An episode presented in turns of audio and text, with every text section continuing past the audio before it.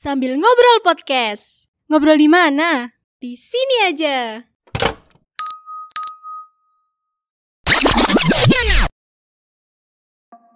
Hmm, di bulan Ramadan ini, apalagi pas masa pandemi kayak gini ya, kita tuh kayak harus banget gak sih buat menjaga kesehatan kayak gitu loh. Nah, Putri ini pernah apa ya jadi pengikut JSR. Masya Allah. Iya gak sih? Iya iya iya. Menurut menurut Putri emang eh, pola makan yang baik tuh harusnya kayak gimana sih? Aduh berat nih pertanyaannya.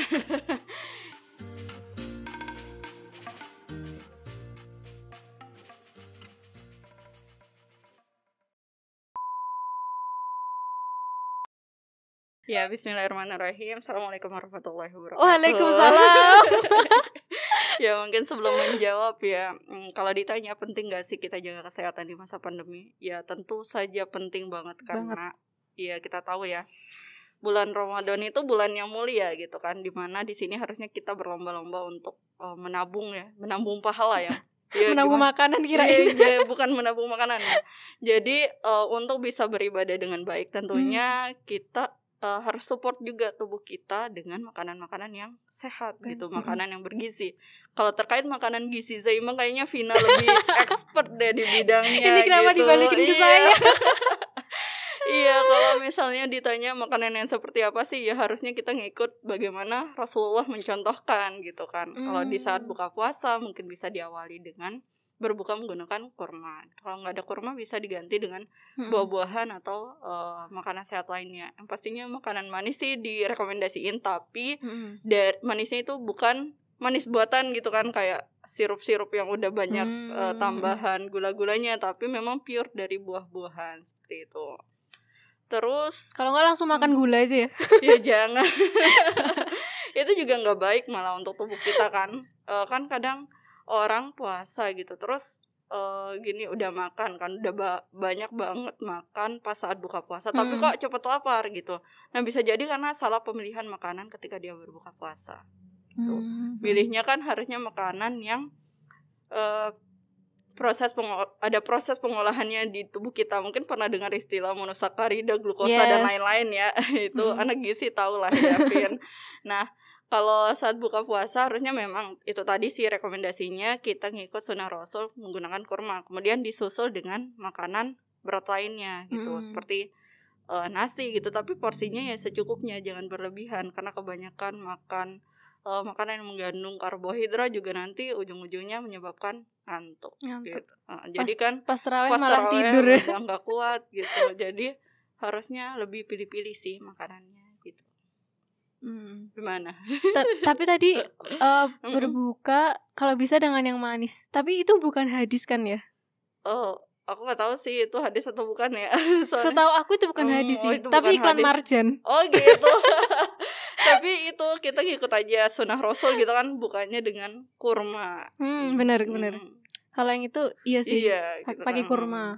Terus minumnya air putih. Iya bagusnya air putih. Kalau bisa sih hindari minum apa ya namanya seperti yang mm, manis-manis lainnya seperti teh gitu-gitu. Emang aku ngerasain sih ketika aku terlalu banyak minum teh itu nanti jadinya beser. Gitu. Jadinya kan Hmm, iya, iya. cairan tubuh banyak yang berkurang jadi nggak tersimpan sebagai energi lagi jadi karena terlalu banyak terbuang jadinya bawaannya lemes gitu ketika puasa gitu Benar benar benar.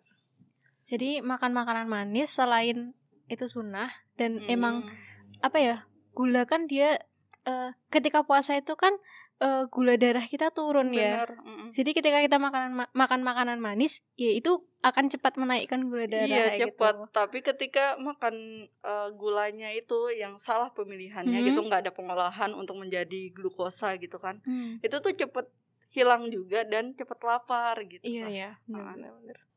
Eh tadi belum dijawab nih. yang mana Putri kan Hmm. pernah jadi pengikut CSR ya. oh iya pernah Itu gimana tahun nih lalu peng- nih kayaknya pengalamannya selama mengikuti jurus se- jurus sehat Rasulullah ya? Masya Allah ya. Eh ini sih eh pas saat itu ya, setahun yang lalu deh kayaknya ya. Teman-teman di ngaji juga kayaknya mempraktekkan iku- itu. Karena jadinya, lagi booming boomingnya ya kayaknya. lagi boomingnya, lagi ngehitsnya, jadinya aku pun termotivasi untuk ikutan juga gitu.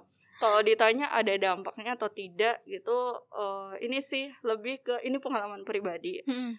perempuan kan biasanya siklus ada siklus menstruasi ya Yes. setiap bulannya Mm-mm. dan kodarullahnya aku tahun lalu kayaknya aku lupa di bulan apa Mm-mm. aku tuh nggak lancar mungkin hampir tiga bulan atau dua bulan itu aku Hmm. udah haid dan Mm, otomatis kan mm. khawatir kan ada Iya. apa gitu kan takutnya ada apa-apa kan di organ perempuannya jadinya Mm-mm. aku memutuskan untuk ke ini dokter kandungan jadi di Oh. USG alhamdulillahnya nggak ada apa-apa. tapi dokternya itu nanya Mbak sering makan ini makan yang tepung-tepungan gitu. iya gitu. jadi kayak kena Gorengan. gorengan gitu terus ayam ayam goreng atau apa gitu ayam dan sejenisnya ya lumayan gitu kan terus dokternya bilang oh jadi sebenarnya saya kenapa dok gitu kan otomatis kan kita khawatir kan kita nanya. Nggak ada apa-apa cuman coba aja untuk beberapa bulan ke depan praktekkan pola hidup sehat perbaiki Hmm. makanan yang dikonsumsinya gitu mulai dari mungkin makan ayam dikurangi diganti dengan yang lain bisa mungkin prote protein hewani itu kan ayam kan tapi Mm. bisa diganti eh, dengan yang lainnya yang lebih sehat gitu ayam ada banyak jenisnya ya. ada ayam kampung ada Ayam broiler. ayam eh, eh, ada banyak jenisnya yang kita nggak eh, yang bagus ya ayam kampung tapi kan mahal gitu nah kalau untuk kelas mahasiswa mungkin bisa perbaiki kalau proteinnya ya makan tempe tahu itu sehat tapi kembali lagi ke bagaimana cara pengolahannya Pengolahnya. itu nanti mempengaruhi nilai gizinya. Kemudian eh, itu juga eh, dokternya nyaranin kamu turunin berat badan. Jadi Hmm. disaranin tuh itu eh, menurunkan berat. Emang pas itu Mm, posisinya kelebihan berat badan eh, posisinya sih kayak gini sih BB-nya tuh sekitar 60 gitu ya. Harusnya kan itu nggak proporsional untuk tinggi Hmm. badanku yang hanya Yes. 154 gitu. Harusnya tuh dikembalikan ke kondisi normalnya. Kan kita ada kenal istilah indeks masa tubuh. Mm, masa tubuh. Itu tuh harusnya kita pertimbangkan itu juga gitu ketika kita mau melakukan diet. Padahal eh, indeks masa tubuhnya itu kan ada orang cewek kan biasanya merasa gendut, gitu Gendut, tapi kadang mm. kalau misalnya dihitung indeks masa tubuhnya malah Normal. dia kurang misalnya kan Wah, harusnya kan menambah asupan nah mungkin saat itu kalau aku hitung sendiri indeks masa tubuhku itu ke pre obes jadi Ah. belum ke obes tapi udah ke pre obes jadi memang setelah itu karena ketakutan sendiri kan belum haid beberapa bulan akhirnya aku coba praktekin itu. Mm-mm. pas lagi hebohnya share juga kan coba praktekin olahraga gitu. Terus itu kayaknya masa pandemi. Ya udah masa pandemi oh udah awal. pandemi? Awal masa pandemi itu aku ke dokter itu eh, tahun lalu berarti nah akhirnya aku cobalah praktekin olahraga. Olahraganya itu yang nggak lari-larian kan kita dilarang keluar rumah ya. Jadinya lari-lari dong dalam rumah. Enggak sih senam sih ngikut gitu ngikut di YouTube gitu senam-senam yang ringan-ringan aja. Kemudian eh, praktekin senam terus eh, dari makanan juga aku perbaiki. Awalnya mungkin aku jarang konsumsi sayur. Mhm. aku mulai dengan eh, mulai perbanyak konsumsi sayur Oh, Hmm. buah juga kadang-kadang kemudian juga bikin resep-resep JSR itu dan alhamdulillah setelah diamalkan beberapa minggu justru aku langsung haid saat itu Ah. jadi mungkin ini sih memang penting banget kita memperbaiki apa makanan yang kita konsumsi nah kembali lagi eh, kenapa kok jadinya sekarang tuh malah nggak istiqomah gitu? Karena teman-teman juga kan oh, kayaknya udah pada longgar gitu. Jadi tuh ketika kita pengen ke suatu kebaikan gitu kadang kita nggak bisa sendiri. Kita harus Iya, bareng-bareng bener, dengan sahabat-sahabat kita gitu. Kan ketika nggak sejalan gitu antara kita dan teman dekat kita Hmm. kadang tuh teman kita makannya nggak sehat kita yang makan sehat kadang pengen teman gitu. kita makan ayam geprek kita cuma Ah, makan lalapannya eh, itu kan jadinya gimana gitu. Jadi emang penting banget sih teman-teman karena ini pengalaman pribadi ya. Dan pas setelah itu juga alhamdulillahnya tuh siklus haidnya lancar. Nah Hmm. tapi ya memang mulai ini lagi sih kayak kalau perempuan eh, teman-teman mungkin pada umumnya tuh siklusnya 30 hari. Kalau aku memang mundur dua minggu dari jadwal biasanya tapi itu udah tetap gitu siklusnya Hmm, iya. segitu kalau sebelumnya tuh aku nggak tahu polanya tuh kayak gimana kadang mundur sepekan gitu kadang kadang sebulan sebulan jadinya kan takut sendiri tapi itu sih pentingnya tuh ke arah situ menjaga eh, makan kita itu emang efeknya nggak hanya ke berat badan tapi ke sistem-sistem tubuh kita yang lainnya gitu Mhm. tapi masalah siklus haid tadi Hmm. emang tiap orang beda-beda sih. beda-beda Mm-mm. iya cuman ya normalnya itu kan ada yang 14 hari udah langsung haid gitu Iya. ada 28 hari tapi ini kan di luar kebiasaan gitu Tapi kan. Selama itu konsisten itu nggak apa-apa sih. iya kalau konsisten itu Mm. nggak apa-apa itu konsisten. memang siklusnya segitu tapi Yes. yang menjadikan itu tidak baik ketika misalnya kamu beberapa sebul- beberapa bulan sebelumnya siklusmu tuh lancar tapi pas tiba-tiba kan nggak ada gitu kan itu bikin kaget jadi harus ini juga sih harus eh apa ya aware lah dengan diri sendiri harus sadar apa sih yang eh, apa yang aneh gitu di Hmm. tubuhmu itu kamu harus aware Bener bener bener. Aku juga suka gitu kadang eh apa ya mundur dikit udah panik tuh loh. Ini, ini kenapa? Ini kenapa? Tapi aku kalau aku sendiri eh kalau aku perhatiin bukan lebih ke makanan sih put, Hmm. lebih ke pola stres. wah itu juga benar Pengaruh Benar, banget nggak sih? pengaruh iya selain makanan stres juga emang iya Mm-mm. Kalau aku ini kalau stres malah nggak haid. oh iya, Tapi parah tapi juga. kalau teman aku, kalau teman aku kalau stres dia haidnya banyak banget. ya Allah Jadi emang beda-beda gitu. Intinya harus berani mengolah apa ya harus bisa bisa ngolah stres ngolah makanan karena bagian dari pola hidup sehat ya intinya kalau kita bicara hari ini pola hidup sehat itu ya selain menjaga makan aktivitas fisik stres juga karena stres ini Hmm, bisa jadi banget. eh, pemicu penyakit lain-lainnya juga Bener-bener. gitu Karena kadang kita nggak sakit apa-apa karena stres itu tuh jadi timbul masalah banyak banget tuh loh. Mm-mm, Entah asam lambung, bener entah apa. Iya bener banget. Masya Allah. Penting banget nih jaga kesehatan. Tapi selama nerapin JSR ada pengalaman yang unik gitu nggak? pengalaman unik. Paling males itu. Apa tuh? males. Apa ya maksudnya tuh ketika kita mau benar-benar nerapin gitu kan sesuai dengan resep mungkin yang dokter Zaidul eh, ini kan apa namanya contohkan Hmm. gitu kan.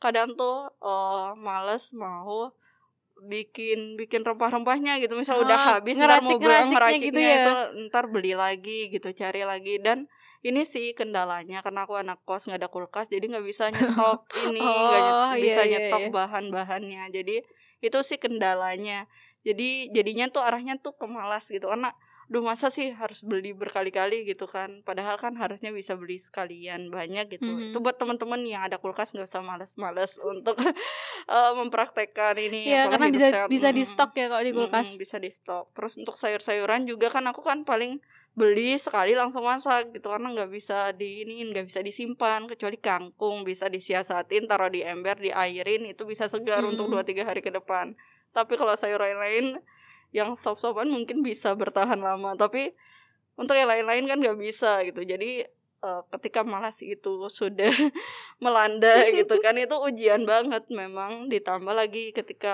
udah ada tugas kuliah mungkin buat teman-teman yang lagi kuliah ini juga Ah, iya ya. bener banget. jadi kan butuh waktu nggak sih Ah, ah, butuh praktek- waktu. iya jadi udah pengen yang ngerjain tugas gitu kan kemudian harus buat itu jadinya ya udah deh aku beli makan di luar aja itu jadinya GoFood aja deh. GoFood aja. Ketika itu sudah sekali gitu dilanggar ya udah melanggar berkali-kali dan nggak diterapin lagi jadinya iya, kayak bener. gitu.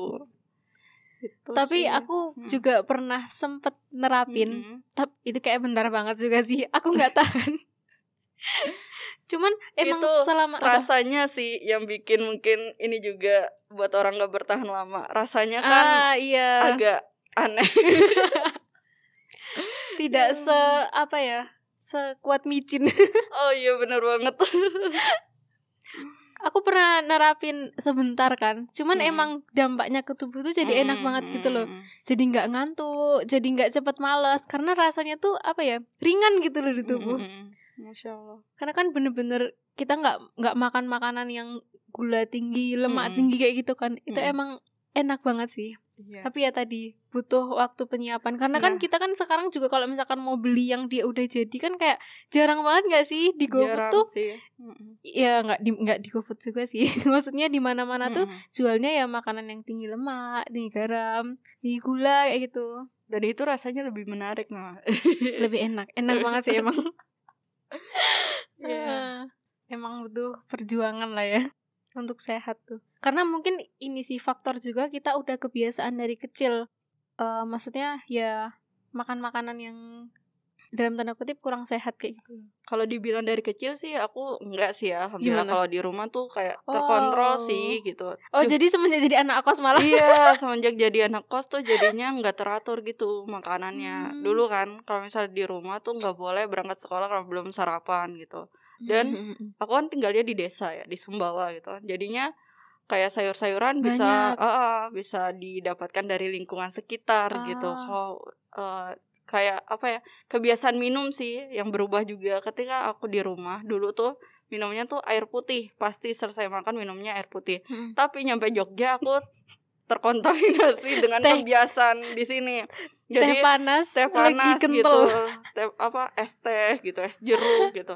Jadinya tuh kayak pola makan pola makan yang berubah itu ketika aku mulai jadi anak kos sih. Kalau di rumah alhamdulillah Hmm, teratur malah gitu, ya Mm. ternyata Iya lebih lebih dipilih-pilih juga sih kayaknya kan ketika di sini kan ya tahu sendiri lah kalau misalnya kita beli lalapan eh beli ayam misalnya itu Hmm. ayam tuh sebenarnya kan udah dimasak duluan kan Hmm. kadang beli ikan sebenarnya aku aneh sih dengan kondisi di sini Kenapa? ya ketika aku beli ikan ikan goreng gitu kan Hmm. di Jogja ternyata tuh ikannya kan sudah digoreng duluan terus digoreng lagi nah kalau di Sumbawa kan ikan yang digoreng tuh benar-benar ikan segar gitu ikan goreng itu sekali goreng gitu jadi ya kita tahu lah berapa kali pengolahannya berarti kan eh, apa ya gizinya pun pasti berkurang. berkurang. Tapi kembali lagi karena kondisi anak kos gitu kuliahan banyak tugas gitu kan kadang eh, nggak bisa menyiapkan makanan untuk diri sendiri itu secara baik dan benar.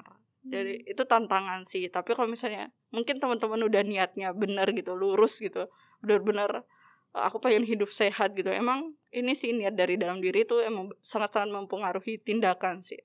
Nah, ketika niatnya udah kan ada kalanya sih kadang mikir gitu aduh kalau beli tuh kadang mikir tapi diselang-seling sih baiknya mungkin nggak bisa eh, mempersiapkan makanan untuk Oh. diri sendiri makanan yang benar-benar kandungan gizinya sehat gitu Hmm. Ya mungkin itu sih diselang-seling sih Ya udah beli eh, gitu ya. beli. Kalau Tapi ada waktu luang, mm, mm, ya masak, masak. gitu karena rasanya juga sih sebenarnya eh, ketika Mm. eh, sayur di sini adaptasi kan dengan lidahku jadinya aku tuh jarang makan sayur kalau misalnya bukan sayurnya aku masak sendiri Hmm. jadi tantangan gitu jadi eh, belum bisa beradaptasi dengan masakan di di Jogja kalau Oh, untuk gitu. sayur-sayurannya jadinya larinya ya makan gorengan jadinya kan tubuhnya jadi kurang sehat ya emang beda ya mbak sayur sini sama sayur semua Eh beda Dari sih, bumbunya. beda. Tapi kalau di rumah kan seringnya cuma bening-bening doang gitu, asal di apa ya, dimasuk intinya Hmm. dimasak cuman ditaruh garam udah jadi sayur kayak gini kan udah ada gulanya. Padahal sayur Macem-macem. bening gitu, Mm-mm. tapi rasanya manis. Itu kan belum bisa adaptasi sama lidah orang Sumbawa ya. Mm. Gitu. bener sih di sini ikan Mm. bakar aja digoreng dulu Iya, itu dia makanya. Sebenarnya kayak digoreng em, dulu baru dibakar bentar Nah itu dia jadinya agak aneh gitu kan. Padahal ekspektasinya ketika makan eh, ini ikan bakar ekspektasinya tuh itu kandungan lemaknya tuh lebih sedikit gitu. Tapi ternyata malah udah digoreng duluan ya. Tapi itu ya kembali ke budaya masing-masing daerah tuh berbeda-beda. Jadi nggak bisa disalahkan. Ya kembali lagi ke diri sendiri sih sepintar apa kamu memilih makanan yang masuk ke dalam tubuhmu itu tergantung kamu. Gitu. bener-bener karena aku pernah dengar kita tuh kita tergantung dari apa yang kita makan Oh iya, itu Mm-mm. tergantungnya ke arah mana nih? Tergantung apanya? Eh, jadi eh, apa pun yang kita makan itu Mm, ya sangat mempengaruhi ini kesehatan tubuh mm, kita benar. gitu loh. Iya, karena banyak eh, apa namanya tuh penyakit Mhm. asal mulanya timbulnya tuh karena makanan, makanan yang enggak Mhm, sehat gitu. Contohnya hipertensi, mungkin kita kalau misalnya nggak mulai ya intinya tuh ini sih ini nasehat buat diri sendiri juga ya. Ini Hmm, trigger.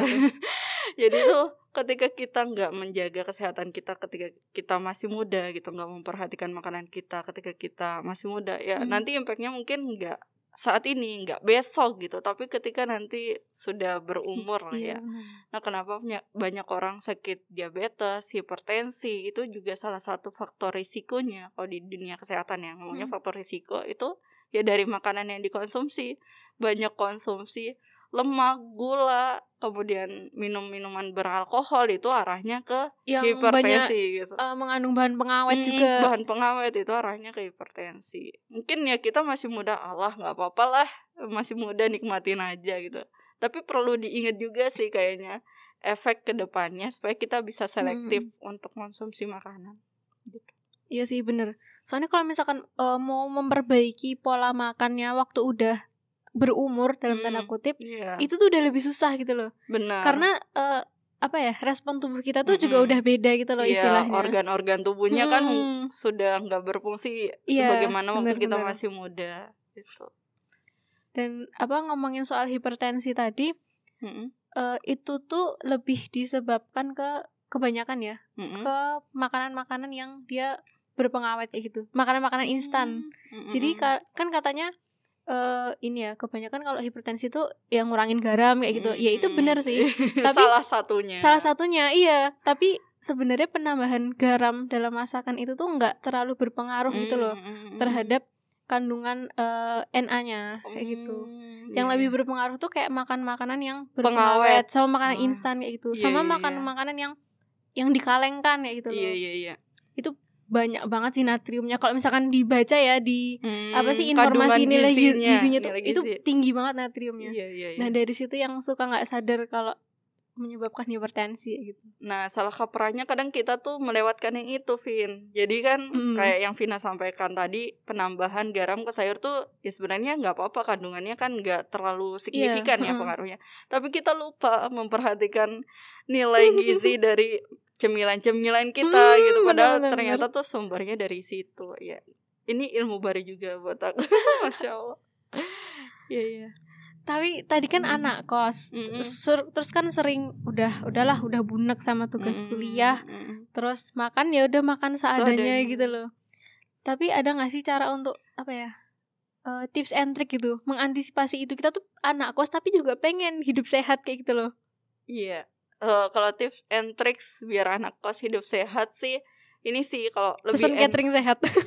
bisa salah satunya, iya itu, Eh, itu salah satunya. Hmm, ini sih harus, ini sih mungkin kalau misal beli makanan kan ada kan warung makan yang menyajikan Ambil sendiri oh, gitu ya? oh, yang ambil sendiri yang banyak Hmm. jenisnya. Jadi nggak ke warung makan yang hanya satu jenis yang hanya lalapan aja gitu ayam lele dan Hmm, lain-lain hmm, tapi kan ada kan warung makan yang prasmanan gitu kan menyajikan banyak jenis makan itu lebih enak nah kembali lagi kadang tuh eh, ini kalau orang kayak aku tuh mungkin agak susah ke situ karena belum bisa adaptasi sampai sekarang dengan eh, rasa masakan di Padahal Jogja padahal Hmm. udah lama ya di Jogja. udah lama tapi tetap sampai sekarang kalau untuk Mm-mm. sayurannya tuh masih belum bisa adaptasi gitu tapi ini sih ada untungnya aku masuk kesehatan masyarakat kan dulu Apa jadinya tuh dulu aku nggak suka makan sayur Oh, Hmm. apa makannya tuh hanya sayur-sayur tertentu aja kayak sop-sopan itu tuh nggak bisa makan sama sekali eh lihat Karena aja rasanya nggak cocok nggak ya. tahu takut aja gitu Oh, makan entah ng- nggak ngerti nggak ngerti alasannya kenapa. Jadi ketika Takut, mama cuy. di rumah kan masak sop-sopan kayak gitu ya udah nggak dimakan gitu. Tapi ya itu sih ada untungnya dikit sih ada untungnya masuk kesehatan masyarakat. Jadi tahu gitu penting ternyata penting banget gitu. Ya jadinya mulailah coba masak sendiri gitu. Ketika Maksudnya Hmm. dulu ketika takut makan sop itu aku nggak tahu aku nggak tahu alasannya kenapa aku takut gitu. Kenapa? ah, itu jadinya aneh kan harusnya coba dulu kan. Eh, mungkin pernah nyoba terus pas apesnya tuh dapet yang rasanya mungkin gak Hmm, sesuai hmm, hmm. jadinya. Itu kan penilaian pertama kan mempengaruhi yang selanjutnya. dia. yang selanjutnya. Jadinya mulai sadar lagi tuh ketika pas kuliah sih bahwa pentingnya makan sayur kayak gitu buah-buahan. Nah jadinya kembali lagi tuh ke tips-tips eh, untuk teman-teman mungkin yang posisinya masih mahasiswa itu tadi pilih eh, mungkin selang-seling sih. Kalau memang belum bisa ini benar-benar teratur kayak gitu harus selang-seling sih. Ada waktunya beli sayur gitu beli sayur untuk masak sendiri boleh ataupun mau beli di warung-warung yang memang menyediakan. Ada sih mungkin eh, aku bisa cocoknya mungkin hanya satu dua warung. jenis Hmm. makanan gitu tapi eh kebanyakan sih belum cocok gitu. Jadi kalau teman-teman mungkin akan lebih mudah sih ketika eh, posisinya tuh bisa makan dengan makanan apa aja. Itu kan lebih Iya, mudah kan ngatur pola makannya. Kemudian bisa lebih hmm, bervariasi ya hmm, ininya. bisa lebih bervariasi. Kemudian ini sih mungkin kalau lagi makan di warung gitu kan kurangi teh-tehnya. Mungkin bisa diganti minum air putih atau jeruk hangat itu boleh aja sih. Tapi aku nggak tahu ya sebenarnya tuh aku pernah denger nih sekalian aku nanya ya ke Vina. Mungkin Vina udah dapet ilmunya. Hmm. katanya sih kalau misalnya jeruk itu ketika dia masuk ke dalam air panas itu kandungan gizinya tuh apa ya vitamin, vitamin C-nya itu rusak eh iya hilang ya itu gimana jadi ketika kita minum uh, jeruk hangat itu apakah kita masih bisa dapat nutrisinya atau tidak gimana Vin? Iya sih emang vitamin C itu paling rentan sama hmm. sama air panas sama yang panas-panas gitu loh dia nggak tahan banget sama suhu hmm. tinggi jadi mungkin benar ya hmm. aku juga belum tahu hmm. cari tahu lebih lanjut sih tapi kalau dipikir iya juga ya. Nah itu, itu jadi, kan vitamin C iya, dikasih air panas kayak gitu. Nah itu aku mikirnya tuh aduh ini kalau misalnya minum es iya dapat segernya sih alhamdulillah gitu kan dapat segernya. Terus mungkin tipsnya bisa beli buah-buahan sih buat teman-teman. Mungkin Berarti kalau, langsung banyak kalau hmm. jeruk itu pakai air biasa aja ya? Jangan ya, jeruk hangat jangan es jeruk. usah jeruk hangat nggak usah es jeruk minumnya air putih di situ. Tapi nanti ketika uh, udah di kos gitu belinya jeruk aja gitu. Jeruk yang memang bisa dimakan langsung gitu kan lebih dapat nutrisinya. sabi, sabi. Uh, uh, jadi itu sih uh, mungkin bisa beli buah-buahan gak usah banyak kalau yang gak ada kulkas kan gak bisa nyetok. Jadi beli untuk dimakan se, se apa ya se, sesuai kebutuhan hmm. aja gitu.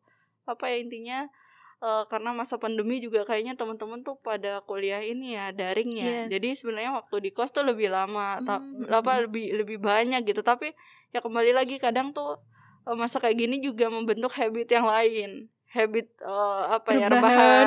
Nah, itu dia habit mageran iya, itu iya, dia. Bener, bener. Uh, jadi intinya kembali ke individunya masing-masing. Jadi perbaiki informasi yang kita konsumsi karena itu jadi nggak hanya makanan yang kita konsumsi tapi informasi yang kita hmm. konsumsi itu jadi nanti, apa yang kita lihat, hmm, apa yang kita dengar juga ya, itu ya, nanti mempengaruhi tindakan kita. Mungkin hmm. saat ini mungkin aku sadar gitu makanan sehat tuh kayak gini kayak gini, tapi setidaknya ketika ada informasi itu masuk pasti ada keinginan untuk ke arah menjaga gitu, hmm. mulai memperbaiki. Mungkin nggak bisa langsung ya, namanya habits buruk itu ketika diperbaiki itu nggak nggak bisa langsung 180 derajat berubah. Yes, bener Tapi banget. perlu pembiasaan mungkin pelan-pelan. Bisa dimulai dari mengurangi mungkin kalau bisa belum bisa me, apa ya?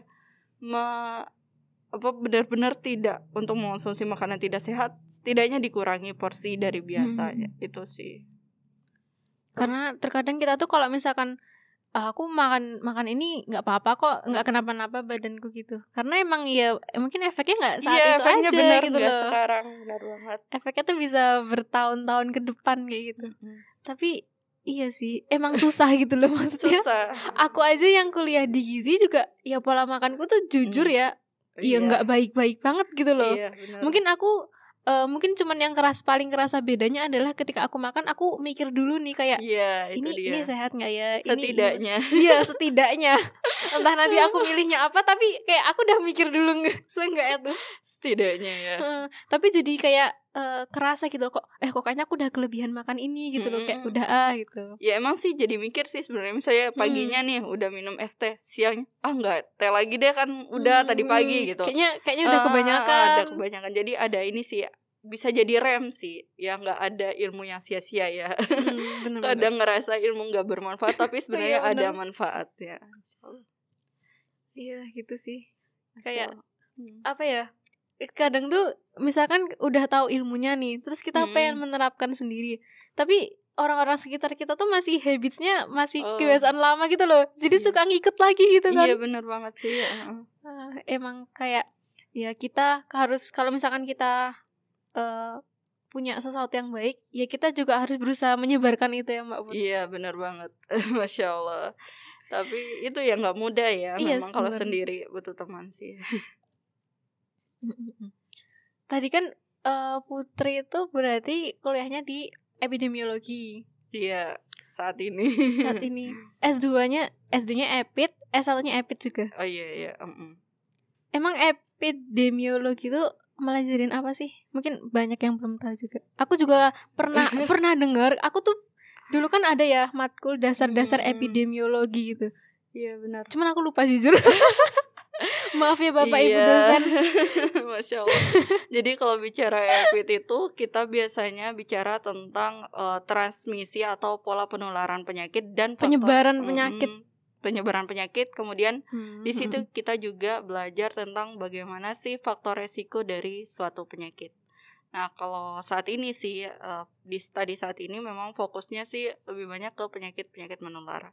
Nah, contohnya saat hmm. ini mungkin teman-teman dulu asing dengan istilah epidemiologi, tapi sekarang uh, pada saat uh, epidemi kayak gini yang bermunculan hmm, untuk semenjak COVID ini ya? semenjak COVID gitu banyak ahli-ahli epidemiologi yang memaparkan yeah. bagaimana sih pola penyebaran COVID ini kok bisa sampai uh, semua wabah ini gitu. Hmm. uh, yang awalnya hanya di Wuhan Cina kok bisa tiba-tiba masuk Indonesia. Nah di situ ada orang epi tuh yang mempelajari menganalisa bagaimana sih uh, pola penyebarannya. persebarannya. Hmm. sebenarnya uh, virusnya itu kah yang bergerak sendiri uh, ke wilayah lain gitu? Terbang-terbang mm, sendiri terbang, gitu ya. terbang sendiri. Ya padahal kan virus juga ada masanya gitu ada apa ya ada batasnya. Tapi yang membawa ternyata tuh kayak uh, apa ya corona saat ini tuh sebenarnya awalnya tuh yang membawa ya manusia gitu karena hmm. manusia sendirilah yang mobilisasinya tuh ke mana-mana gitu emang awalnya tuh penularannya kan dari hewan hmm. tapi ya yang menularkan ke manusia-manusia yang lain seiring dengan penelitian memang ternyata ya covid itu memang penularannya dari manusia ke manusia, manusia. gitu jadi kalau bicara EPID sih, bicara lagi tuh kayak faktor risiko kenapa sih orang bisa kena hipertensi, faktornya tuh apa sih? Itu kita pelajari sekilas-sekilas sih di epidemiologi mungkin nggak terlalu. Hmm, jadi EPID hmm, tuh nggak cuman penyakit menular ya? Nggak hanya penyakit menular. Ah. Kita uh, kita juga belajar sekilas tentang penyakit tidak menular. Cuman memang uh, kalau orang EPID biasanya juga nggak langsung ini sih nggak langsung uh, ke lapangan gitu uh, hmm. kayak hmm, investigasi gitu-gitu memang itu salah satu ininya sih fashionnya sih tapi biasanya juga EPIT itu dia di bagian data data penyakit hmm. jadi itu kadang tuh kayak kita nih misalnya mungkin Vina sekarang udah penelitian atau belum belum oh. mulai oh belum mulai hmm. nah nanti ketika Vina penelitian kan itu ada pengumpulan data ya hmm. istilahnya nah data itu ketika yang kita peroleh itu ya data data mentah apakah bisa memberikan informasi kita bisa nangkap sesuatu hmm, dari no, data itu no, kalau no, belum no. diapa-apakan. Nah, orang EPIT itu tugasnya itu kalau di bidang kesehatan uh, dia yang mengolah, menganalisis ah. datanya sehingga data penyakit itu nanti bisa memberikan uh, suatu informasi yang bermanfaat untuk pembuatan kebijakan nantinya. Kebijakan tentunya tuh ke arah pencegahan lagi, ke arah hmm. pencegahan atau penanggulangan penyakit kayak gitu jadi bicaranya faktor resiko hmm. itu tuh emang ini sih makanan sehari-hari sih kayak kayak jadinya tuh kayak judul penelitian ya jadinya jadi gitu sih hmm. kalau misalnya bicara EPIT itu ya kadang juga kalau berbagi sedikit pengalaman sih biasanya uh, kalau pas ini kemarin itu aku magang di salah satu dinas kesehatan di Jogja mm-hmm. dan itu memang uh, lebih dilibatkannya tuh ketika ada suatu kejadian tertentu kalau di bidang kesehatan sih ada istilahnya kejadian luar biasa dan itu KLB. tuh uh, kejadian luar biasa pernah dengar iya yeah. iya KLB nah itu tuh kadang tuh kalau misalnya kalau tahun lalu nih ya tahun-tahun sebelum ada corona mm. itu biasanya tuh sering banget ada laporan kejadian keracunan makanan. Oh. Nah, kenapa itu dikatakan kejadian luar biasa keracunan makanan? Karena ternyata tuh setelah orang mengonsumsi makanan yang sama dari suatu acara hajatan gitu kan, hmm. ternyata tuh mereka menunjukkan gejala yang sama. Hmm. Jadi ketika satu orang satu orang menunjukkan gejala ya apa ya misalnya sakit perut gitu mual muntah itu nggak dikatakan dia kejadian luar luar biasa tapi dikatakan kejadian luar biasa minimalnya tuh ada orang Oh dua ya, orang minimal ada dua orang nih yang mengalami kejadian yang apa ya gejala sama. yang sama setelah mengonsumsi makanan yang sama ah. dan ada keterkaitan waktunya gitu ada keterkaitan tempat waktu dan tentunya itu tuh ada sumbernya kayak gitu nah itu tuh sering banget tuh ada laporan kayak gitu tuh ke ini ke dinas kesehatan kalau pas hmm. dulu dulu masa sebelum masa pandemi karena kan sering ada acara ini kan kumpul-kumpul kan hmm. nah orang epit itu tugasnya tuh menggali tuh faktor resikonya tuh oh, kenapa gimana bisa keracunan, kenapa kok bisa gitu. keracunan oh. gitu nah itu kita turun lah istilahnya tuh kita investigasi kita menemui orang-orang yang memang sakit dan terkena sakit kadang ada yang ditemui di rumah sakit hmm. nah jadi kemudian ada kita juga kadang menemui yang uh, mengadakan hajatannya. Dan itu kadang orang takut ya takut. Itu ada yang ketakutan ini saya mau diapain ini? saya mau diapain. diapain. Terus kadang juga dilanjutkan dengan investigasi ke tempat pengolahan makanannya. Itu sih. Oh, gitu. itu sekilas gambaran. Mungkin teman-teman yang asing dengan epit nanti nggak asing lagi. Tapi itu mungkin baru hanya gambaran kecilnya aja. Itu berarti kayak yang di covid ini juga uh, mempelajari faktor resiko iya, kenapa bener. orang bisa kena covid bener. terus penyebaran covid mm -mm. kayak gitu yep. tapi sampai uh, mempelajari ini enggak kira-kira kapan nih covid ini bisa berakhir kayak gitu aduh kalau aku penasaran banget dengan jawaban itu kayaknya tuh uh, para ahli epid juga kayaknya tuh um, apa ya mungkin ya?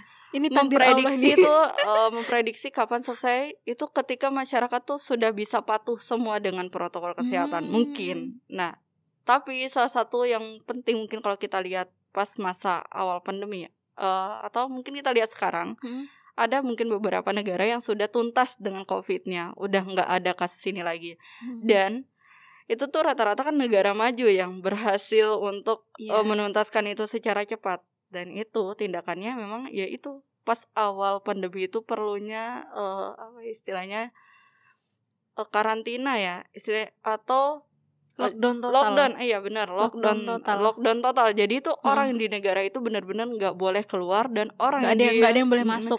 di negara lain gitu nggak boleh masuk ke negaranya. Jadi ya mereka bisa menuntaskan masalah itu.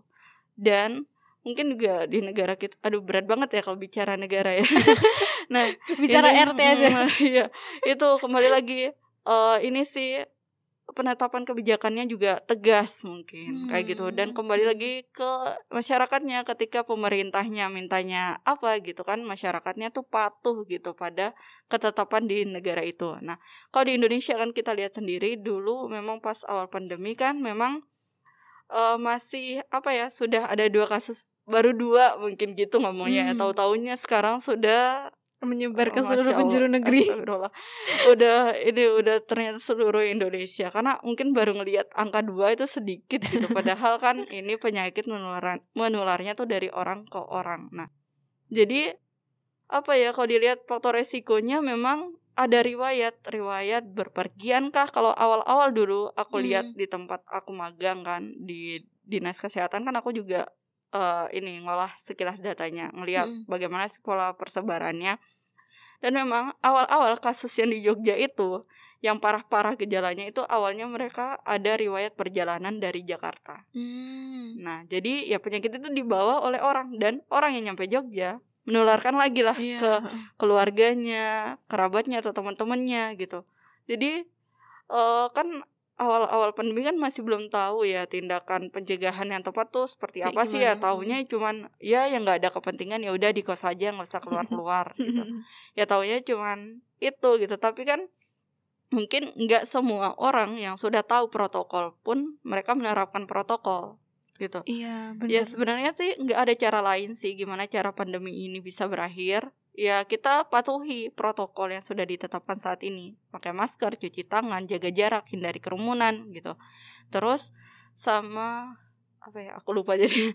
jadi uh, intinya ini patuhi ini kemudian uh, emang ada vaksinasi kan sekarang. Ah. Nah, untuk vaksinasi mungkin jangkauannya tuh masih belum ini belum banyak kan kalau misalnya untuk membentuk imunitas mm -hmm. uh, kelompok itu mungkin masih terlalu rendah tapi itu sih yang bisa dilakukan tetap menjaga jarak pakai masker cuci tangan hindari kerumunan nah teman-teman jangan lengah juga nih masa-masa ini bulan Ramadan kayak gini kan memang hmm. kita di masjid memang pakai masker gitu tapi ketika di tempat-tempat lain jangan lupa juga untuk tetap pakai masker gitu apalagi yang pemburu takjil kita lihat ya mungkin kerumunannya juga di situ nggak bisa dihindari ya kalau di masjid. pemburu, nah pemburu takjil tuh berpindah dari masjid satu nah, ke masjid lain.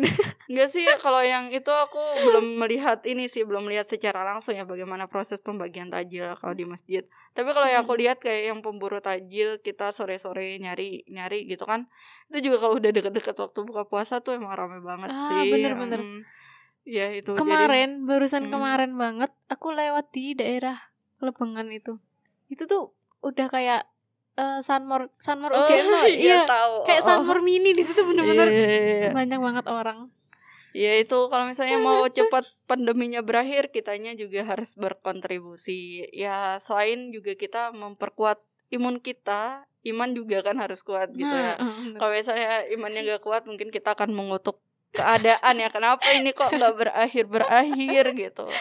Ya itu kita harus ridho ya dengan situasi saat ini. Tapi kita juga nggak boleh diam aja. Kita malah abai dengan protokol kesehatan juga tidak boleh. Terus ini harus tetap juga asupan makanan juga harus Hmm. ini harus diperbaiki ya. Setidaknya tuh apa-apa yang dibutuhkan tubuh kita tuh kita cukupi gitu.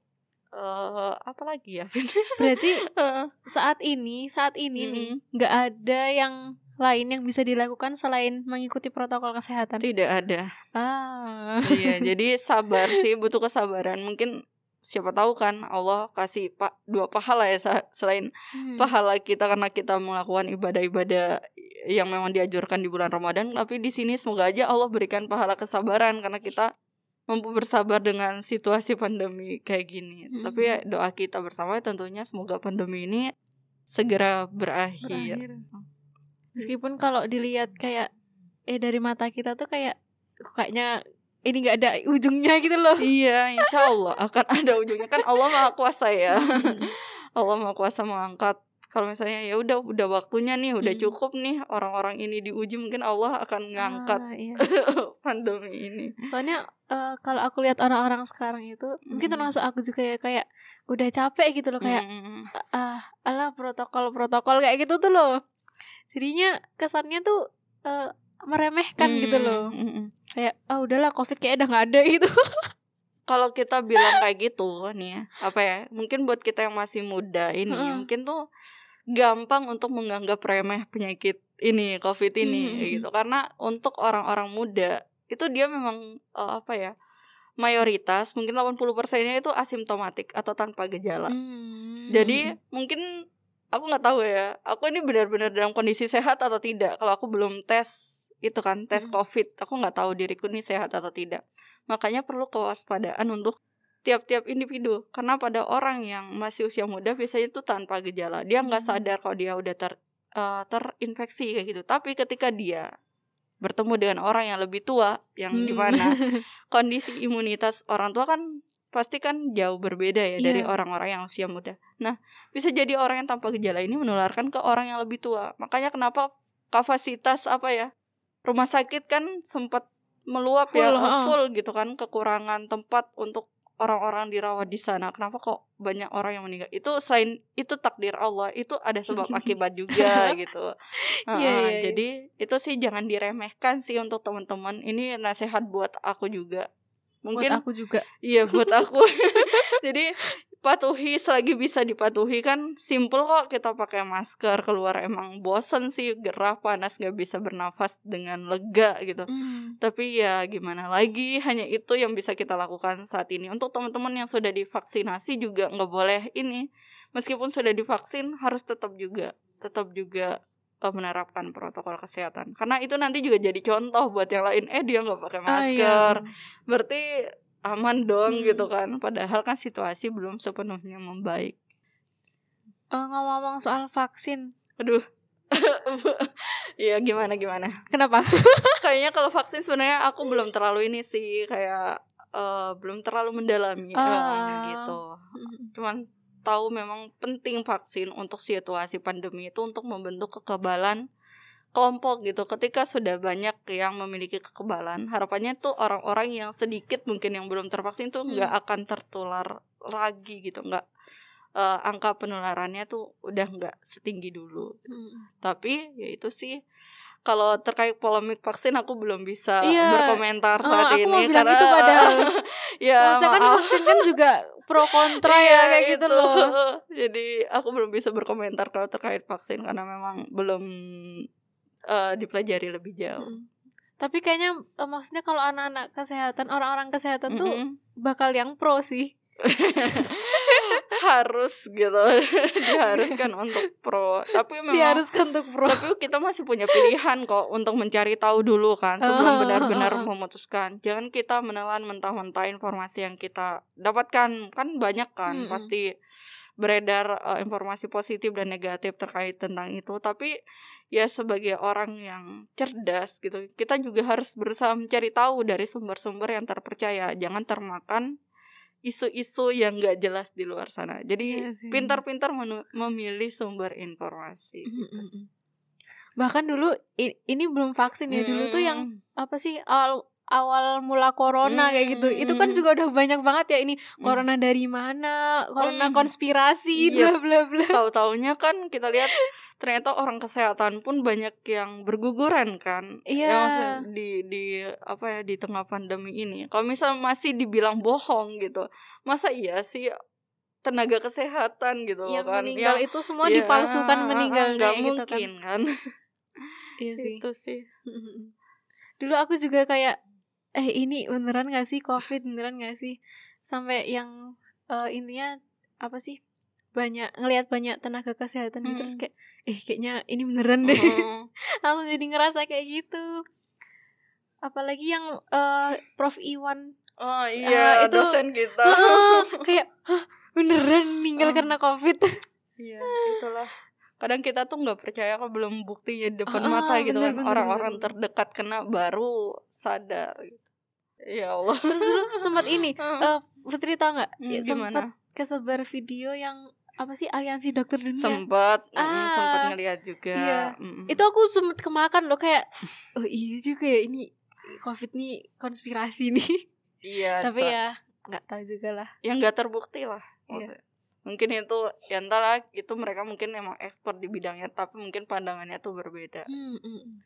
Itu kan hanya sebagian kecil dokter ya. Lihatlah dunia ini luas gitu tapi itu udah ada klarifikasinya sih dari yang lebih expert di bidangnya sudah mengklarifikasi terkait Hmm, bahwa yang beliau-beliau menyatakan itu tuh nggak seharusnya juga eh, menjadikan kita tuh terlena gitu ke Ah. dan keadaan kayak gini eh, menjadikan kita abai dengan situasi kayak gini tapi ya tetap buktinya sekarang tuh negara kita masih belum bisa benar-benar menjadikan kasus covid ini menurun kan? Nyatanya Hmm. aku belum update lagi sih.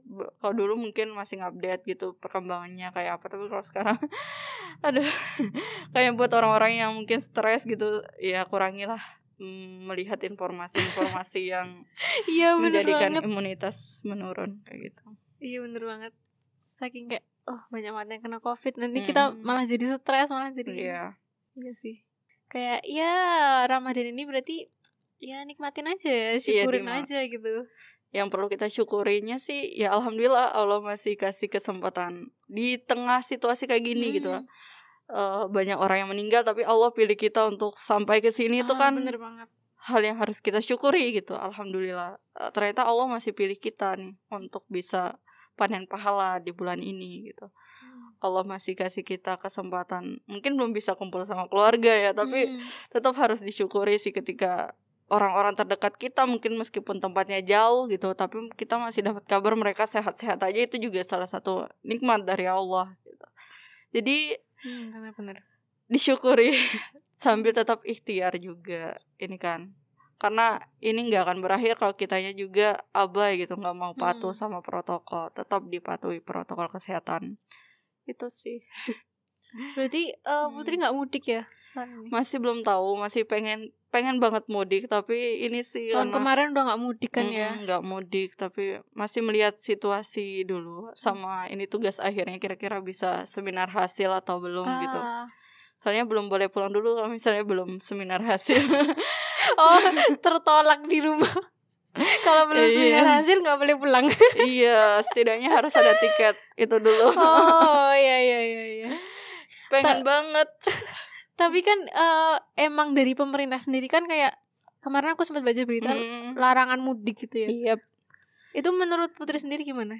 Larangan mudik. Heeh. apa ya? Dari sisi epidemiologis tuh bener gak sih kayaknya itu kok kita dilarang mudik kayak gitu uh, Atau sebenarnya sebenarnya tuh pernah wak- Mm-mm. sekarang tuh udah kayak ya nggak apa-apa mudik aja yang penting protokol kesehatannya dijaga misalnya gitu apa ya sebenarnya sih harus adil sih maksudnya Hmm. tuh ketika mudik dilarang Mm-mm. harusnya orang yang berwisata juga dilarang gitu iya iya iya iya Iya, kalau impactnya pasti nanti akan terlihat impact. Soalnya tuh dari pengalaman beberapa bulan yang lalu, setiap ada event-event kayak apa ya tahun apa kayak Ramadan gitu tahun Ah. lalu pasti itu ada tuh terjadi peningkatan jumlah kasus. Tapi Hmm.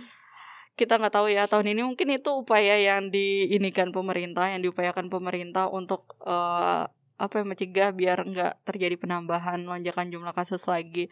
Tapi selagi yang lainnya belum disupport juga kayak itu larangan untuk wisata juga nggak disupport kayak gitu kayaknya eh ini juga sih masih belum terlalu efektif sih untuk nggak tahu ya itu yang menilai efektif tidak ya itu bukan ranahku deh kayaknya karena kan Hmm. masih mahasiswa ya belum boleh terlalu terlalu berat arah siapa tahu mahasiswa sudah bisa menganalisis gitu loh. Aduh ya Allah. pandangan seorang mahasiswa jadi epidemiologis. kalau kalau dari pandanganku sih ini sih lebih ke ketika hmm, apa ya kalau misalnya mau membatasi jangan hanya di situ gitu harusnya tuh Harus- dari sekarang aja gitu soalnya tuh memang kan untuk mencegah penularannya tuh memang harus itu sih membatasi mobilisasi orang Hmm, untuk keluar atau masuk suatu wilayah. Tapi ini tuh kayak dipilihnya momen itu emang sih di momen itu tuh orang akan lebih banyak mungkin yang pulang kampung.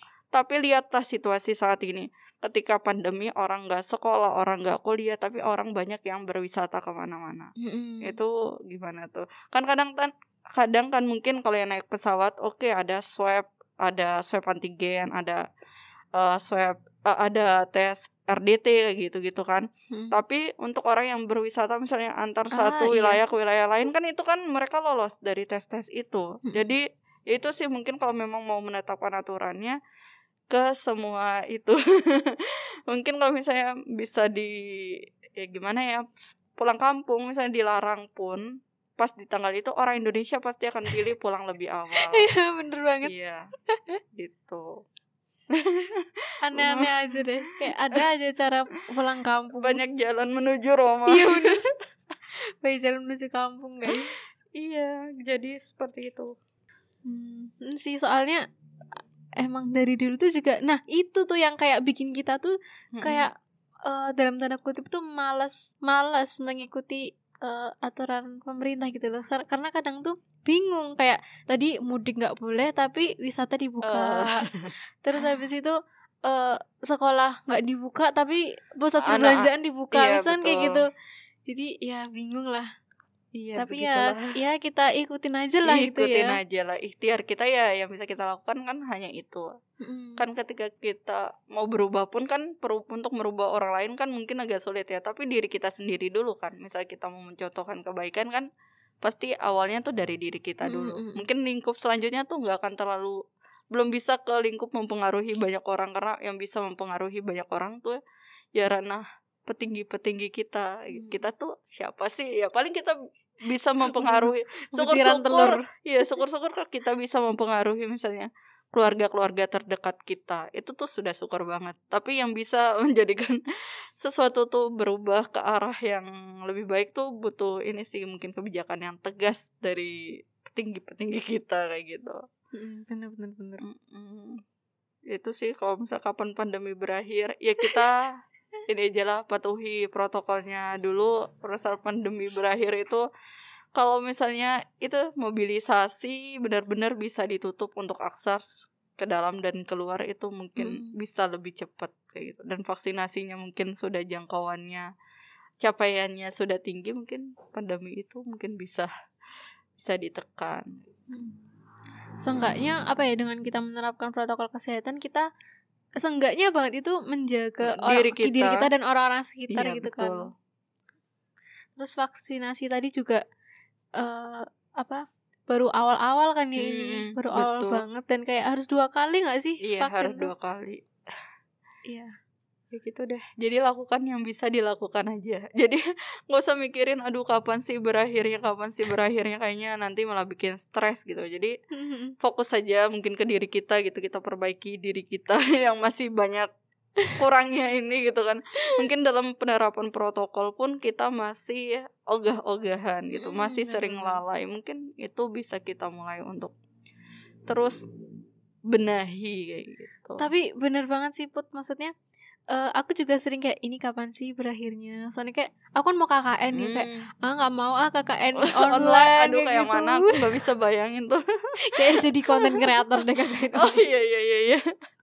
Kayak ini nggak mau KKN online. Terus ntar kan penelitian gitu kan skripsi kayak ya berarti udah. Maksudnya uh, kalaupun tip kalaupun udah masuk kampus lagi kayak Hmm. mahasiswa semester akhir tuh udah nggak di kelas lagi gitu gak sih? Iya iya iya. Kayak ah masa udah nggak di kelas lagi gitu. Terus nggak mau ah lulus online, wisuda online kayak gitu kayak gitu. Sering banget kepikiran kayak gitu loh. Iya sih, itu kembali ke cara pandang masing-masing sih. Sebenarnya tuh kalau mau dipikir buruknya ya mungkin yang tampak hanya buruknya aja. Tapi hmm. coba kita gali ke sisi lainnya gitu kan. Kayak KKN misalnya esensi KKN tuh apa sih sebenarnya kan agar bisa bermanfaat kan intinya. Maksudnya tuh hmm. mengaplikasikan ilmu mengaplikasikan ilmu terus di situ nanti ada nilai kebermanfaatannya. Ya mungkin saat ini nggak harus dengan terjun ke masyarakat tapi ya kayak gini pun gitu kan. Itu ah. intinya kan ketujuannya tuh apa gitu. Mungkin tujuannya tuh satu tapi cara pencapaian tujuan itu kan bisa beda-beda jadi ketika kampus nanti ujung-ujungnya menerapkan itu kan online ya udahlah nikmati aja nggak ada pilihan. Jadi ya itu sih uh, terkait wisuda dan lain-lain itu seremonial. Tapi mungkin dibalik hik dibalik itu juga hikmahnya mungkin lebih hemat dari sebelumnya. Eh iya sekarang banyak orang ini apa nikah. Kayaknya yeah. lebih hemat soalnya. Kayak tahu-tahu ini ya nikah ya ini nikah. Karena nggak undang orang kan ya Iya tapi mungkin harapan maksud orang yang mengadakan juga nggak kayak gitu sih. orang juga pasti pengennya rame, tapi ya karena keadaan ya hmm. ya gimana lagi gitu kan. Nanti kalau beneran jadi KKN online tuh kayak bisa aku ceritakan aku dulu mama KKN online di depan aku sering suka bayangin kayak gitu loh kayak bayangin yang jauh banget gitu. Iya iya iya terus kemarin kan kayak dikasih kuesioner gitu kan maksudnya emang kayak dari pihak kampusnya tuh masih bingung gitu loh mau hmm. online uh, offline apa campuran kayak gitu loh oh, setengah-setengah iya, iya. kayak gitu kan. Terus tapi aku tuh aku kan ya ini aku harus pilih offline nih aku pengen banget offline gitu kan. Tapi setelah aku klik offline terus kayak ngelihat pertanyaan-pertanyaan selanjutnya tuh kok jadi ngeri. Soalnya tuh bener-bener pertanyaan itu ada yang kayak gini kayak uh, ininya uh, jika jika apa mahasiswa terkena covid hmm. terus kan apakah bersedia untuk dikarantina? Terus Aduh. itu masih ada yang lebih ngeri yang lebih ngerinya gini jika mahasiswa terkena covid dan meninggal dunia di tempat Aduh, KKN. ngeri banget. udah, udah sampai kayak gitu. Jika mahasiswa terkena covid dan meninggal dunia di tempat KKN uh, eh, apakah uh, ininya setuju jika kayak langsung dimakamkan empat jam setelah meninggal gitu loh kayak? What? What Aku langsung jadi mikir-mikir lagi. ya Allah, ngeri banget ya. Ini kenapa pertanyaannya kayak gini ya Allah? ya itu sih mungkin menerapkan ya kalau di keilmuan kesehatan masyarakat tuh mencegah lebih baik. Iya, iya, iya. Kadang tuh kita ya pengen selak apa ya, selak cepet-cepet kelar gitu loh kayak udah ya udahlah yang penting kan pakai masker kayak gitu kan. Tapi ternyata ya dampak yeah. ke depannya tuh iya jauh sih. gitu loh. Ya mungkin kita dan teman-teman kita sehat gitu. Orang tua kita nggak iya tahu kita yang membawa atau bukan. Itu sih lebih ke kewaspadaan sih kayaknya. Tapi selama gimana? Selama dulu kan pasti hmm. di Dinkes kan kayak sering penyuluhan gitu gak sih? Enggak ya? Kalau penyuluhan sih enggak sih, paling aku yang ikutin ikut menyiap-nyiapkan aja sih kayak bantu-bantu apalah gitu. Kalau untuk disuruh ngisi sih belum sih. Kayaknya belum belum ranahnya gitu. Oh. gitu. Tapi kalau misalnya untuk ngolah datanya sih, tapi nanti yang memaparkan misalnya orang yang petingginya di Dinkes, iya gitu. Misalnya aku yang mengolah menyajikan gitu. Tapi nggak sering, cuma sesekali aja. Hmm. Kayak aku yang buat powerpointnya materinya mungkin apa ya yang beliau sampaikan tuh dari dari yang sudah aku siapkan gitu iya gitu untuk hmm, kegiatan hmm. evaluasi monitoring di sana tapi kalau untuk menyampaikan secara langsung sih belum gitu aku kepo sama mm -mm. Uh, dinkes tuh maksudnya cara kerja dinkes tuh dia program-programnya juga kayak gitu kayak penyuluhan-penyuluhan gitu ya ada memang uh -uh. tapi paling kan itu tuh oh, kalau orang dinkes kan tingkatannya tuh ke puskesmas kayak gitu. Yang hmm. langsung ke masyarakat kan orang puskesmas. Oh, iya iya. Jadi perpanjangan tangan dari din dinas kesehatan mungkin program-program iya tapi ya kadang orang dinkes juga sih yang ini bersama-sama sih. Kalau misalnya udah ke masyarakat tuh itu udah bersama-sama dengan orang puskesmas biasanya. Jadi hmm. nggak yang orang dinas kesehatan langsung gitu ke masyarakat tapi di situ pasti sama puskesmas gitu sih kayaknya uh, soalnya aku nggak hmm. terlalu apa ya yang langsung terlibat gitu soalnya kan aku cuman di bagian surveillance ya di surveillance dan uh, pengambilan data kalau surveillance itu lebih ke pengolahan datanya. Oh, data. Mungkin pengambilan data ketika saat terjadi kejadian luar biasa tadi itu hmm. aku yang turun sama teman-teman epidemiologi yang lain. Tuh. Dan serunya sih ketika ada investigasi lapangan kayak gitu hmm. tuh, jadi nggak hanya ketika aku doang yang magang di dinas kesehatan kayak gitu, tapi kan temanku juga ada yang di dinas kesehatan lain gitu. Tapi mereka juga boleh ikutan gitu membantu, jadi bareng-bareng oh. ke lapangan. Ah. Kadang tuh kalau udah investigasi kayak gitu, kadang ada juga sih orang di inkesnya udahlah kalian aja yang turun ke sana nanti gimana hasilnya kabarin ke kami apa yang harus uh, kami memaparkan hasilnya gitu kan. Udah diolah datanya disajikan. Terus ya udah nanti kita serahkan ke dinas kesehatan mereka lah yang melakukan penyajian ke ini ke, ke puskesmas kadang ke puskesmas setempat sesuai dengan ini aja nih data itu satu pintu. Bukan ketika kami yang ambil datanya belum tentu kami yang akan memaparkannya. Memaparkan. tapi tetap yang lebih berwenang lah istilahnya. Uh, itu uh, kalau berarti itu masuk ke kayak yang riskesdas riskesdas gitu juga nah itu kan uh, puskesmas kemudian dinas kesehatan hmm. kota kemudian dinas kesehatan provinsi kemudian Kemenkes ya riskesdas hmm. itu Kemenkes Kementerian Kesehatan Republik Indonesia ya kalau orang kesehatan sih bisa aja sih masuk kalau mau kerja di kantoran silakan aja coba gitu. risk ya otomatis oh, itu gitu. ya dari laporan-laporannya itu yang dari bawah ke atas gitu kan hmm. dari mungkin kalau yang di di tingkat uh, dinas kesehatan yang mereka pa paparkan di profil mereka ya kadang kan informasi terkait kesehatan dari seluruh puskesmas yang berada di wilayah kerja dinas kesehatan itu. Hmm. Nah, ketika di provinsi dinas kesehatan provinsi nanti bicaranya dinas kesehatan kabupaten, kabupaten. kayak gitu. Jadi tuh kayak gitu bertingkat-tingkat gitu. Hmm. Tapi kalau udah di oh. Kemenkes tuh ya udah mencakup semuanya lah. Jadilah riset kesehatan uh, dasar. Vina tertarik masuk ke dunia itu. aku, aku aku kepo gitu loh yeah, cara yeah, kerja yeah. mereka. Iya iya iya. Kalau gizi gitu ada ini sih, ada ada magang gak sih kalau di gizi sendiri? Hmm. hmm. Benar, magang sama PKL bedanya apa ya? Eh, sama deh kayaknya, beda ya? penyebutan ya? aja. Uh, PKL ada sih. ada sih oh, PKL ada. oh di rumah sakit gitu. Oh, oh, oh, jadi itu lebih ke penyiapan makanan pasien gitu ya? Uh, ya, gitu. Ya. Cuman kayaknya cuma di rumah sakit sih. Iya iya iya. enggak yang kalau di perusahaan-perusahaan gitu enggak. Mm -mm. Ya kayaknya seru sih dinikmati aja tapi kalau pandemi kayak gini oh, iya. gak sih nggak nggak tahu sih kayak cuttingku kemarin tuh tetap tapi mungkin ya dengan ini ya, iya. ya pembatasan tetepan sih yep. ya semoga lah karena kemarin itu uh, tahun kemarin kan udah pandemi ya harusnya mm -hmm. kan aku ada kayak matkul yang dia kayak kunjungan ke perusahaan-perusahaan makanan penyelenggaraan makanan hmm. kayak gitulah Nah itu udah kayak ya udah kehilangan itulah Iya sih, uh. pasti ada yang berkurang ya hmm, karena pandemi mau nggak mau. Hmm. Apalagi kalau kayak praktikum-praktikum gitu kayak juga nggak nggak bisa sih banget. nggak bisa bayangin kalau teman-teman yang kuliah di. Iya, kayak yang nggak bisa banget kan online hmm. gimana. Paling ya karena aku anak gizi paling masak kan, hmm. ya udah hmm. masak masak sendiri, dimakan sendiri ntar kayak gitu. Iya bener-bener kayak dari pemilihan bahan sendiri, beli sendiri, masak, dihitung nilai hmm. gizinya sendiri, dimakan sendiri.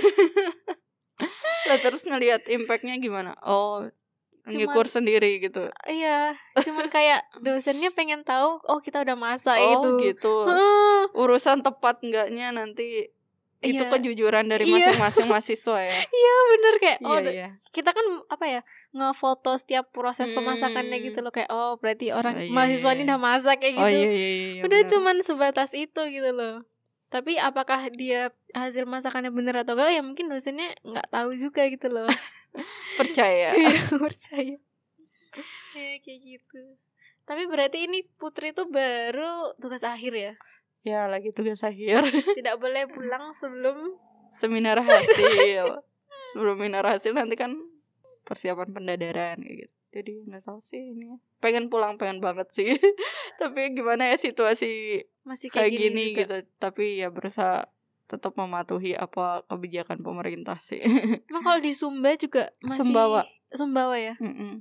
Sumbawa juga masih ini ya tinggi covidnya kah? kalau kayaknya tuh ini sih nggak di Sumbawanya sih yang tinggi kayaknya di Lombok kan yang lebih apa yang menjadi pusat wisata kan Lombok ya kalau Sumbawa kan kayaknya Hmm.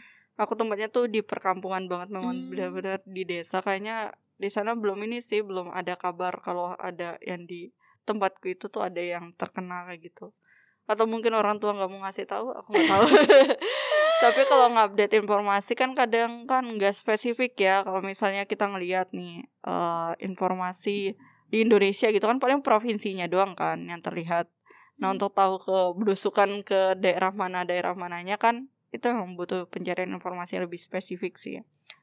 Sejauh ini sih kayaknya alhamdulillah sih kalau di tempatku kayaknya belum. Mungkin aku kan di Sumbawa gitu. Sumbawa kan itu kan kabupaten. Mungkin Hmm. di kecamatanku nggak ada tapi kecamatan lain mungkin ada. Sempet ini sih dengar ada gitu tapi kalau di kecamatanku alhamdulillah nggak ada.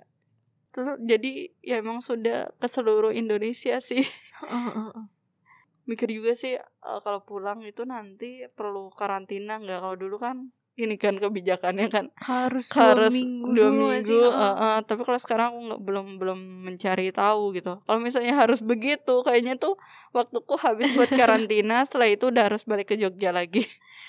Dan ya iya sih karantina. Nggak dulu pernah karantina kan ya iya tapi nggak usah dibahas lah ya gitu aduh kekonyolan. Ah, konyol emang. Intinya teman-teman tetap patuhi protokol aja. Biar nggak lengah, dikarantina. iya, biar nggak dikarantina. Jangan lengah dengan eh, orang-orang sekitar dengan teman-teman sih terutama Hmm. kan masih hangout tapi lupa protokol juga jangan gitu sebisa Hmm. mungkin tetaplah di oke lah kita percaya lah sama teman kita dia sehat gitu tapi kita nggak tahu dia bener-bener 100% sehat nggak membawa virus sama sekali atau ti- atau tidak itu kita tidak tahu Mm-mm. tapi pasti ya beda lah ya rasanya lebaran di sini sama di ya Sumbawa beda lah ya Allah dua tahun lah ini jadinya. Kalau benar-benar nggak bisa pulang tuh berarti ini tahun kedua nggak lebaran di rumah. Gimana tuh rasanya lebaran di sini sendiri banget? Ada ibu kos sih. Ada ibu kos. Tapi tetap lah ini. Ya gimana ya tetap merindukan suasana rumah. Hmm. tuh. Biasanya tuh sebelum sebelum pandemi ini eh, tiap Mm-mm. tahun balik ya setiap tahun balik. Iya eh, pas awal kuliah kemarin tuh yang tahun 2019 kayaknya aku pulang deh. Cuman karena aku kan Hmm. memang konsekuensinya ketika kuliah di peminatan itu gitu epidemiologi lapangan. Iya. liburnya hanya dua minggu. Kalau peminatan lain tuh bisa sebulan atau sebulan setengah tapi itu saat itu aku Ah. cuma dapat libur dua minggu. Ya udah aku pulang itu saat itu. Tapi tahun kemarin pandemi ya udah nggak bisa pulang kayaknya selain karena pandemi juga karena tugas lapanganku juga harus tapi itu sih yang utama sih karena pandemi sih nggak boleh pulang tahun kemarin gitu. kenapa kenapa cuman sebentar liburnya Karena Cuma kita minggu? harus tetap di dinas kesehatan. oh Mm-mm, karena prakteknya memang di dinas kesehatan. Itu sih bedanya ini kan di kesehatan masyarakat kan kalau di pasca sarjana tuh memang ada banyak banget tuh peminatannya.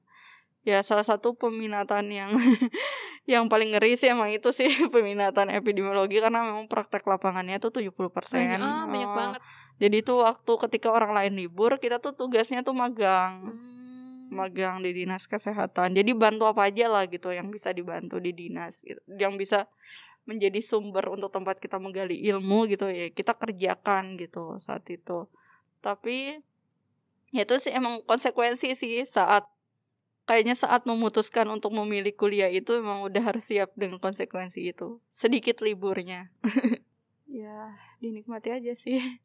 Tapi emang ini sih uh, mungkin kalau tahun kemarin nggak pandemi juga aku nggak tahu sih pulang atau nggak. Harusnya sih pulang pengennya pulang. Tapi karena kan Magang. situasinya uh, uh, tetap ada liburnya kok meskipun hanya seminggu gitu. Uh -uh. tapi kan kalau tahun kemarin kan emang kebijakannya ketika kita pulang berarti kan harus karantina kan. Hmm. nah waktunya oh, kan habis, Oh, ya bener. gimana caranya? Malah nggak ketemu keluarga cuma iya, karantina cuman karantina. doang gitu. Oh iya. Jadinya ya sudahlah. Disyukuri apa yang ada saat ini. Hmm. kalau aku sih nggak pernah mudik ya. Iyalah. Orang aku, di Jogja aja. aku tiap hari aku tuh paling ke cum kalau lebaran itu cuman ke tempat saudara-saudaraku hmm. di Klaten kayak gitu. Itu pun hmm. juga bisa tiap hari sebenarnya. Iya sih kan jaraknya dekat nih Sumbawa. Kalau Sumbawa kalau pulang ke Sumbawa nih ya dua kali transit. Oh iya? Hmm. itu pesawat? Pesawat. Dua kali? Dua kali trans oh. dua kali ganti pesawat. Nggak bisa langsung boh nggak ada. Nggak ada. Oh alah. Gitu. Sumbawa itu masuknya Lo NTT. NTB. NTB. Nusa Tenggara Barat. kalau Vina asli Jogja kan ya? Sebenarnya aku bingung sih kalau misalkan ditanyain asli mana gitu. Aku tuh dari hmm. lahir di sini, tapi hmm. uh, orang tua aku dua-duanya orang Klaten. Oh gitu. Jadi aku asli mana tuh? Ya KTP sih yang menunjukkan kamu asli mana. oh ya, berarti aku asli iya, Jogja. Kan? ya gitu sih. Jadi nggak usah bingung lagi. aku tuh karena aku dari dulu nggak pernah mudik ya tapi aku hmm. tuh pengen gitu loh ngerasain uh, vibesnya mudik gitu loh kayak ya udah solusinya nikah sama orang di luar Jawa itu solusinya pasti ngerasain mudik kayak maksudnya tuh orang-orang lebaran ah pengen mudik kayak itu tuh hal yang dinanti nanti banget gitu loh kayak uh, mudik ke rumah rumah kakek neneknya terus habis itu kumpul kan sama saudara-saudara hmm. lain. Lah aku tuh kayak nggak pernah ngerasain itu hmm. gitu loh. Maksudnya bawa barang banyak terus ke mana gitu nggak pernah. Jadi uh, kalau misalkan lihat orang mudik tuh kayak pengen. Eh pengen nih mudik kayak gitu. Itu ya bener nggak sih put? Tapi kalau vibes mudik tuh kayak gitu ya emang sih kayak ada kerinduannya yang lebih gitu kan mungkin dibandingkan dengan ketika ketemu setiap hari gitu kan ini kan ada jedanya kan kita hmm. bisa ketemu keluarga itu mungkin baru kalau dulu-dulu kan pas kuliah S1 gitu kan hmm. memang tuh momen yang dinanti sih ketika masuk Ramadan gitu sebulan sebelum tuh udah booking tiket deh kayaknya karena udah oh, tahu iya, iya kapan iya, iya. Kapan ujian selesai gitu kapan jadwal lain-lain oh, tuh udah tahu bener. gitu kan jadi karena udah, nanti penuh hmm, juga ya kalau misalkan hmm, dan biar bisa dapat tiket yang lebih murah oh. karena kalau udah mepet-mepet gitu kan mahal nah jadi emang ini sih kerinduan ke keluarga tuh lebih mungkin ya dibanding hmm. kalau ketemu setiap hari tapi ya harus dinikmati harusnya buat yang sekarang sama-sama dengan keluarganya tuh alhamdulillah apalagi situasi saat ini. Hmm. kumpul keluarga tuh itu nikmat yang masya allah gitu. Karena banyak contohnya kayak orang kayak aku mau nggak mau masih di rantauan situasi covid kayak gini. Hmm. terus orang tua tuh pasti khawatir gitu kan. Uh, di sini kan hmm, benar-benar nggak ada keluarga. Ada sih sepupu gitu keluar tapi kuliah di sini tapi ya itu tetap intensitas ketemunya juga nggak ini lah nggak sering lah gitu. Itu sih lebih ke mungkin aku rindu orang tua juga rindu gitu. Jadi ya hmm. ya gimana? Semoga segera terobati. Iya kalau lihat orang mau mudik tuh kayak seru banget nih orang mau mudik. Kayak pengen ikut dong mudik kayak gitu loh. Asik banget apalagi lihat di TV-TV tuh banyak ya bawa barang banyak terus habis itu ngantri tiket kereta atau tapi apa justru gitu. aku tuh nggak menikmati kalau pas oh, iya? saat itunya aku malah pengennya cepet-cepet kalau bisa tuh di sini dari sini udahlah langsung nyampe rumah aja gitu daripada ribut di jalan tuh aku nggak bukan orang yang terlalu menikmati perjalanan, gitu. perjalanan gitu ah. kalau sendiri kalau ada temen kadang kan ada kan masa-masanya nggak sengaja ketemu di bandara gitu hmm. entah mungkin itu teman SMA atau apa itu aku lebih lebih lebih nyaman kayak gitu ketika daripada aku tuh sendirian. Tapi seringnya kalau mudik emang sendirian ya? Sendiri. Uh, lebih sering sendiri. Eh nggak tahu sih lupa aku saking udah lamanya. Saking udah lama nggak mudik. pengennya tuh ada temennya gitu sih. Kadang ini kan ada teman-teman yang misalnya sama-sama dari Sumbawa gitu kan Hmm. sama-sama kuliah di kampus yang sama. Kadang tuh ini tanyain pulang kapan gitu biar Hmm. biar ada teman atau enggak kadang aku so akrab sama orang di ini. Eh, di masyarakat mbak mau ke mana? gitu. Kalau ketemu yang tujuannya sama tuh alhamdulillah. Intinya nggak suka lah kalau perjalanan jauh sendiri. Nggak seru. Iya bener bener bener. SKSD sama orang di pesawat di kereta kayak gitu ya. tapi lihat-lihat dulu sih. Iya sih teman-teman aku kan juga kayak banyak banget yang apa ya, kejebak di sini gitu loh. Mereka kayak nggak nggak bisa balik gitulah ininya. Ya karena berbagai alasan gitu. Yeps. Ya sama sama kasusnya kayak kangen rumah lah kangen ini tapi gitulah. Apalagi eh maksudnya kan eh, S1 masih kita tuh masih banyak banget kayak yang Hmm. praktikum-praktikum Hmm. gitu kan. Itu kan Iya. juga eh kita tuh harus biaya sendiri gitu dulu loh. Harus biaya sendiri. Hmm, Iya kan harusnya kalau di lab Ah, udah di cover udah semua. iya bener udah di cover semua jadi mereka tuh ya kayak kasihan gitu lah aku ngelihatnya Iya. kayak masya allah perjuangannya ah gitulah suka suka duka ada sukanya nggak sih ada lah ya Iya banyak hikmah pasti ya. Itu Hmm. tergantung cara pandangnya. Kalau dipandang buruk-buruknya ya dapatnya ya buruk-buruknya aja. Hmm. Tapi lihatlah dari sisi lain mungkin yang apa ya pasti ada hikmahnya lah kalau misalnya mau mau ngelihat gitu mau mencari-cari apa sih hikmahnya kok sampai sekarang Allah masih kasih ujian kayak gini gitu kan Hmm.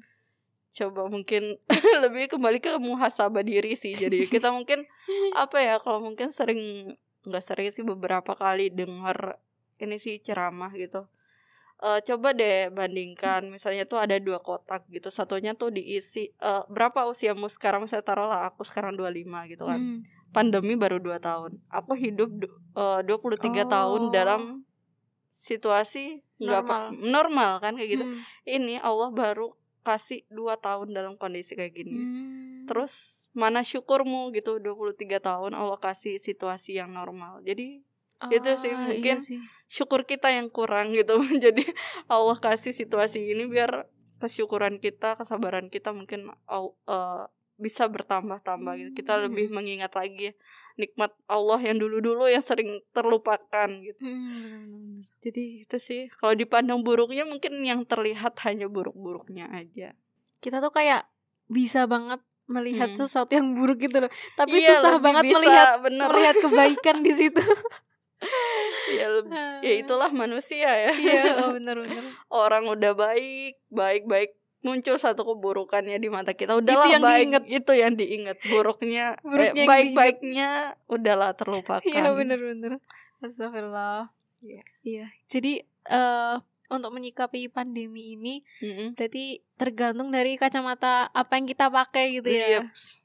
Kita Betul. mau ngelihatnya dari sisi mana gitu Mm-mm. Tentunya Ya pasti selalu ada hikmah Ada hikmahnya gitu Allah Allah nggak mungkin ngasih suatu ujian tanpa di eh, luar batas ah, kemampuan di luar batas kemampuan kita dan itu tuh nggak ada nggak ada hikmahnya itu nggak ada tujuannya itu Mm, nggak iya, mungkin kan? nggak mungkin.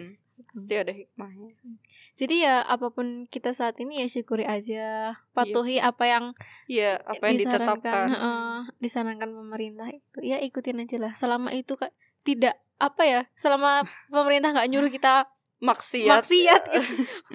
Jadi ya kalau kayak kemarin kasusnya dis- dihalalkan sesuatu yang diharamkan itu Uh-uh. berontak Nah, itu wajar. berontak. Tapi kalau misalnya ini belum keluar dari syariat, ya kita jalankan. hmm, betul, betul, betul. Patokannya ya syariat Islam.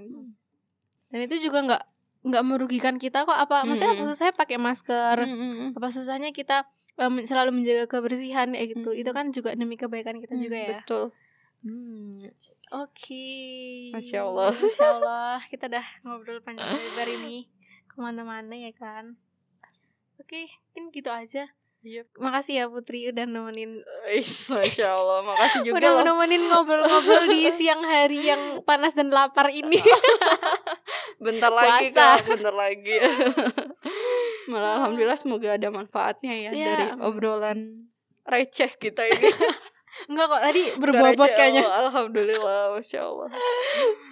Oh, Masya Allah. makasih ya uh, Putri semoga sama-sama Vin kita bisa ngobrol-ngobrol lagi amin semoga tugas akhirnya cepat selesai amin ya Allah mohon doanya biar punya tiket pulang iya betul udah kangen banget ya sama rumah sama orang tua ya. oke okay. mungkin dari obrolan kita hmm. tadi yang bisa kita ambil adalah ya kita seharusnya punya rasa syukur gitu loh hmm. apalagi di bulan Ramadan ini hmm. harusnya kita bisa lebih melihat banyak kebaikan kan kayak gitu hmm. dan uh, untuk menjaga kesehatan itu emang penting banget buat kita apalagi di masa pandemi ini hmm. kita harus selalu meningkatkan imunitas imun dan, dan iman, iman kayak so. gitu jadi uh, tetap stay healthy jaga kesehatan kita harus memperhatikan apa yang kita makan, juga informasi apa yang masuk ke dalam tubuh kita gitu. Iya, yep, betul banget. Karena itu sangat mempengaruhi kita nanti dalam memandang kehidupan ini.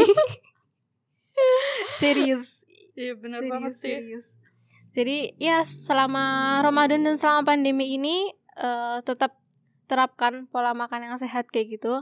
Pola Patuhi makan protokol kesehatan. Patuhi protokol kesehatan juga itu kata Putri. Jadi uh, pola makan yang baik seperti misalkan kayak tetap sempatkan makan sahur, terus habis itu jangan berlebihan saat hmm, berbuka, betul. makan secukupnya, terus uh, minum air putih juga yang cukup dan pemilihan makanannya juga uh, coba pilih yang sehat-sehat kayak gitu, karena itu tuh sangat berpengaruh uh, untuk kesehatan tubuh kita. Oke, mungkin itu aja. Uh, saya Vina, assalamualaikum. Waalaikumsalam warahmatullahi wabarakatuh.